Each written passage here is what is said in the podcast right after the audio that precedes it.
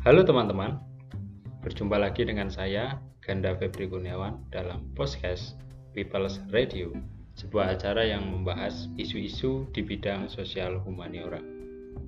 Kali ini pembahasan kita ada pada seputar perencanaan pembelajaran. Perencanaan pembelajaran dalam konteks ini adalah perencanaan pembelajaran sejarah, yaitu sebuah aktivitas untuk menyusun skenario pembelajaran sejarah yang dapat digunakan untuk mencapai tujuan-tujuan pembelajaran sejarah. Perencanaan sendiri bermakna aktivitas untuk mempersiapkan dan mengelola segala sumber daya yang bisa digunakan untuk melakukan aktivitas pembelajaran dan itu semua berorientasi pada pencapaian tujuan tujuan pembelajaran bisa bersumber dari tujuan pembelajaran yang telah ditentukan oleh negara atau tujuan pembelajaran yang ditentukan oleh guru. Apakah guru boleh memiliki tujuan pembelajaran? Tentu boleh, karena itu merupakan sebuah kreativitas dari guru ketika guru ingin mengembangkan kemampuannya dan ingin sesuatu yang berbeda, tidak hanya terkendali oleh aturan atau kebijakan dari pusat. Tetapi kreativitas guru itulah yang kemudian mendorong sebuah pemahaman bahwa pembelajaran adalah bagian dari proses kreatif yang guru di dalamnya adalah seorang penskenario. Untuk itulah tujuan pembelajaran alternatif atau tujuan pembelajaran yang ditentukan oleh guru itu penting untuk membuat suasana pembelajaran itu lebih nyaman dan guru juga memiliki ukuran-ukuran pencapaian tujuan yang yang bisa dibayangkan dalam menyusun perencanaan. Perencanaan pembelajaran umumnya dipersiapkan di dalam sebuah dokumen yang disebut dengan rencana pelaksanaan pembelajaran. Komponennya ada identitas, identitas sekolah, mata pelajaran, kemudian kelas dan semester, materi pembelajaran, dan alokasi waktu yang ditentukan.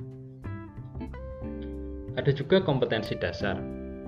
Kompetensi dasar di sini berarti sebuah kompetensi yang telah ditentukan oleh pemerintah yang diharapkan dapat diwujudkan melalui pembelajaran sejarah kompetensi dasar juga akan berdampak pada penyusunan tujuan pembelajaran yang secara diktatis itu harus diikuti oleh guru.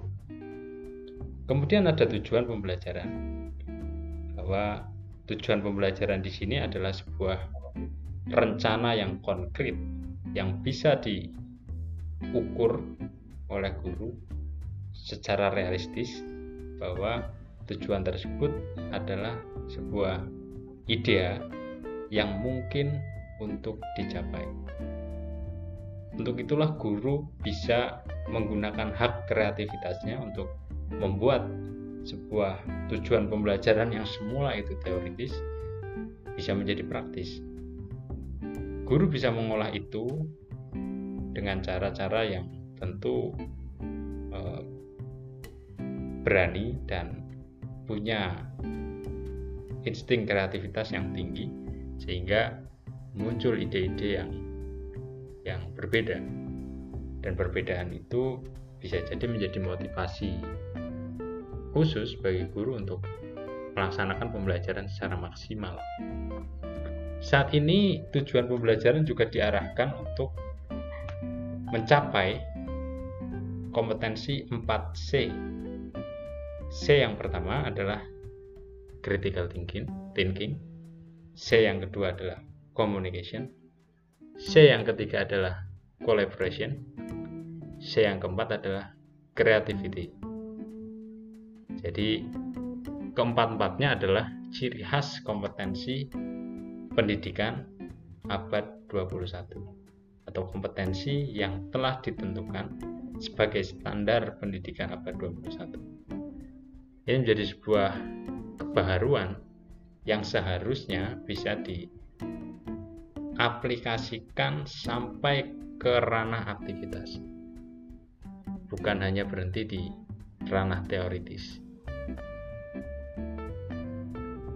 Setelah tujuan, guru perlu mempersiapkan kegiatan pembelajaran yang yang seefisien mungkin dan serealistis realistis mungkin. Efisien dan realistis di sini adalah sebuah prinsip yang harus dipegang guru sehingga guru dapat berpikir praktis di dalam memilih metode kemudian menerjemahkan metode pembelajaran itu ke dalam langkah-langkah pembelajaran dan pemilihan media juga bahan ajar. Seorang guru yang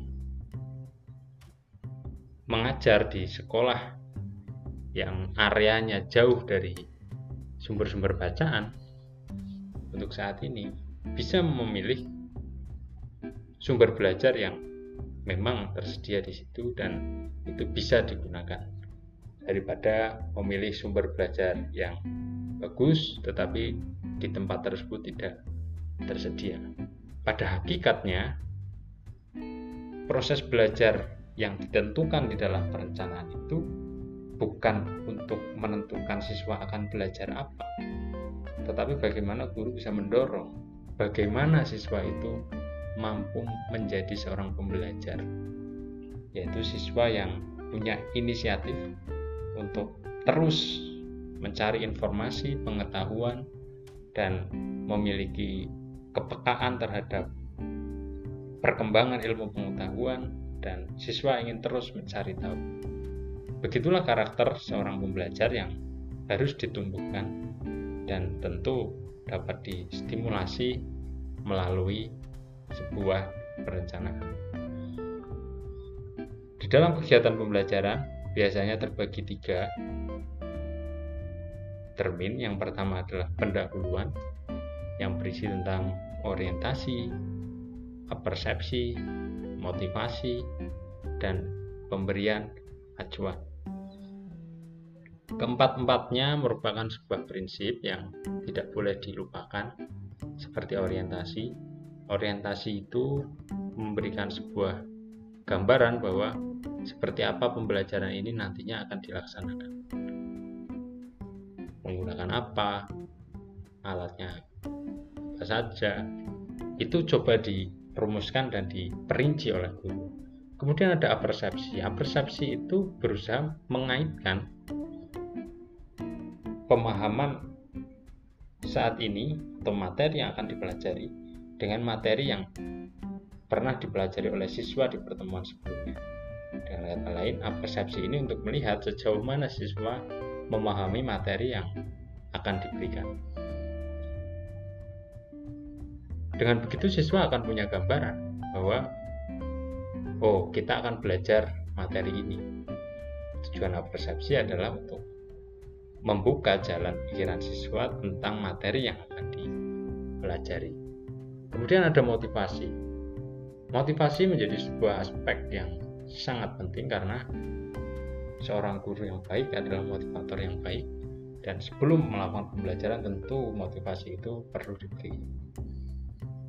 Ada juga pemberian acuan, artinya tujuan, kemudian kompetensi dasar yang akan dicapai, itu harus disampaikan kepada siswa supaya siswa juga memiliki pemahaman bahwa ke mana mereka akan berjalan dan untuk apa materi ini dipelajari.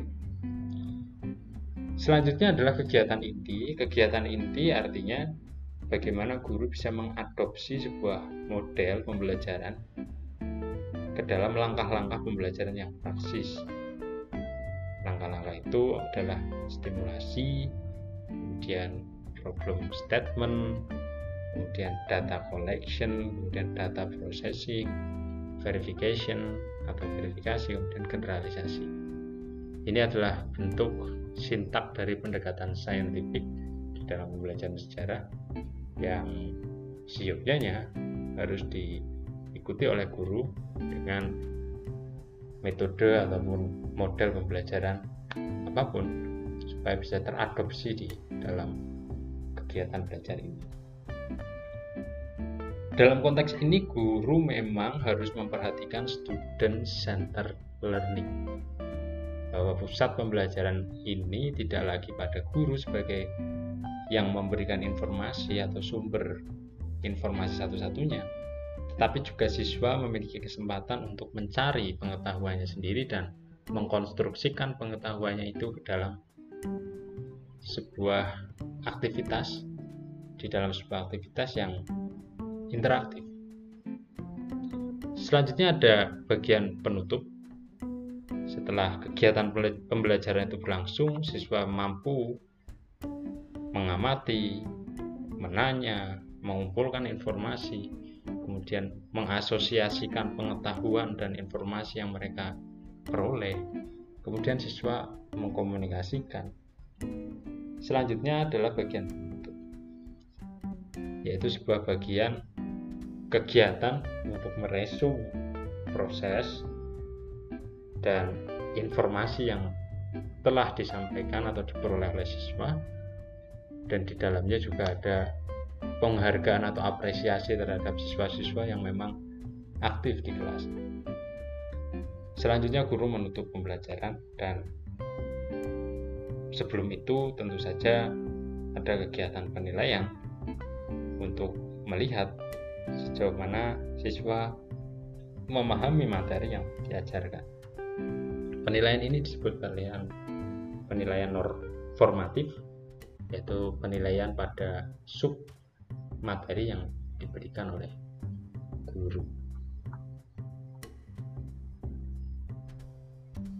Poin-poin penting seperti bahan yang diajarkan, media, itu menjadi sebuah pelengkap yang harus diperhatikan guru bahwa prinsip-prinsip perencanaan tidak lengkap apabila media, bahan ajar, alat ukur, atau instrumen penilaian itu tidak disertakan. Sehingga pada intinya, berapapun halaman dari dokumen RPP, yang terpenting, prinsip yang harus dipegang oleh seorang guru adalah soal efisiensi dan realistisnya pelaksanaan dari dokumen RPP itu bukan pada teori-teori yang ada di dalam. Nah, untuk menjadikan dokumen RPP itu realistis, seorang guru harus memperhatikan betul kondisi lapangan, sumber daya yang ada, dan tentu kebutuhan siswa. Dengan prinsip-prinsip yang telah ditentukan tadi sebuah perencanaan seyogyanya memang dibuat sesederhana mungkin. Seperti sekarang ini kebijakan yang baru saja digulirkan adalah penyederhanaan rencana pelaksanaan pembelajaran dokumen RPP yang menjadi hanya beberapa halaman. Yang sebelumnya itu bisa sampai 10 halaman atau lebih sekarang dibatasi hanya 2 sampai 3 halaman saja. Itu sebenarnya sebuah kemajuan bahwa guru tidak lagi dibelenggu oleh kegiatan administratif yang mendorong mereka kemudian untuk menjadi tidak kreatif.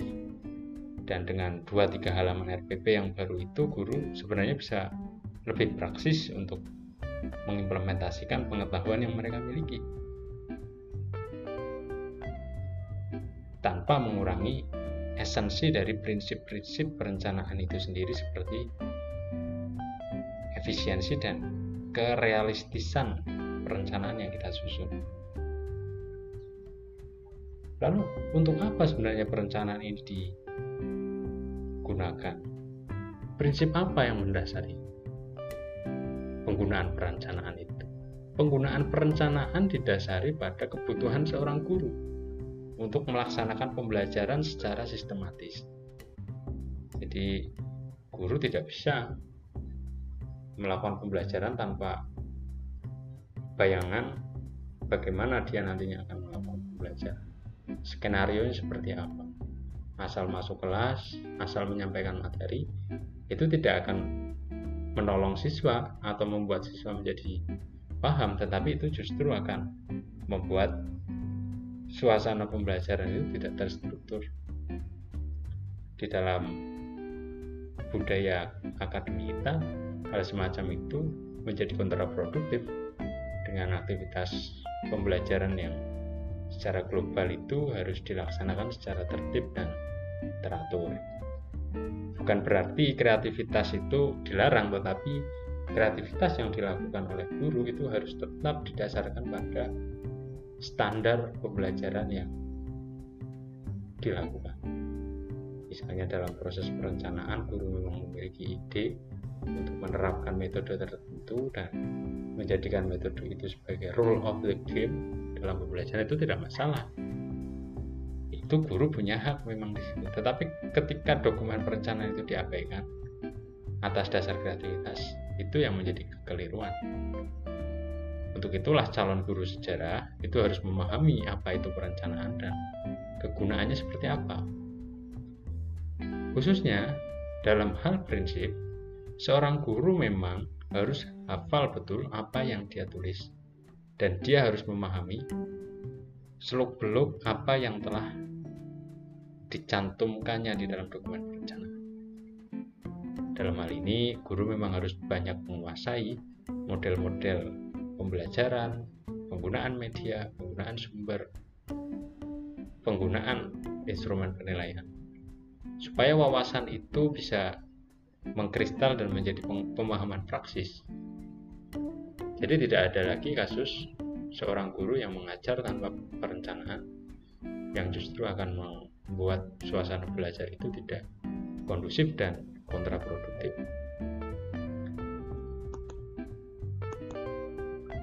Dengan begitu, dunia pendidikan kita berharap besar bahwa seorang guru sejarah itu punya prinsip yang sangat kuat yang bisa dipegang sebagai pegangan, sebagai petunjuk, dan itu mampu menjadikan pembelajaran sejarah itu meningkat kualitasnya. Dan hal itu menjadi proses panjang karena pendidikan bagi calon guru sejarah saat ini tidak hanya berhenti di bidang kesarjanaan tetapi juga ada keprofesian. Dan calon guru sejarah saat ini memang dituntut untuk berkompeten dan tentu memiliki karakter profesional. Demikian pembahasan pada podcast kali ini. Sampai jumpa di podcast berikutnya. Salam.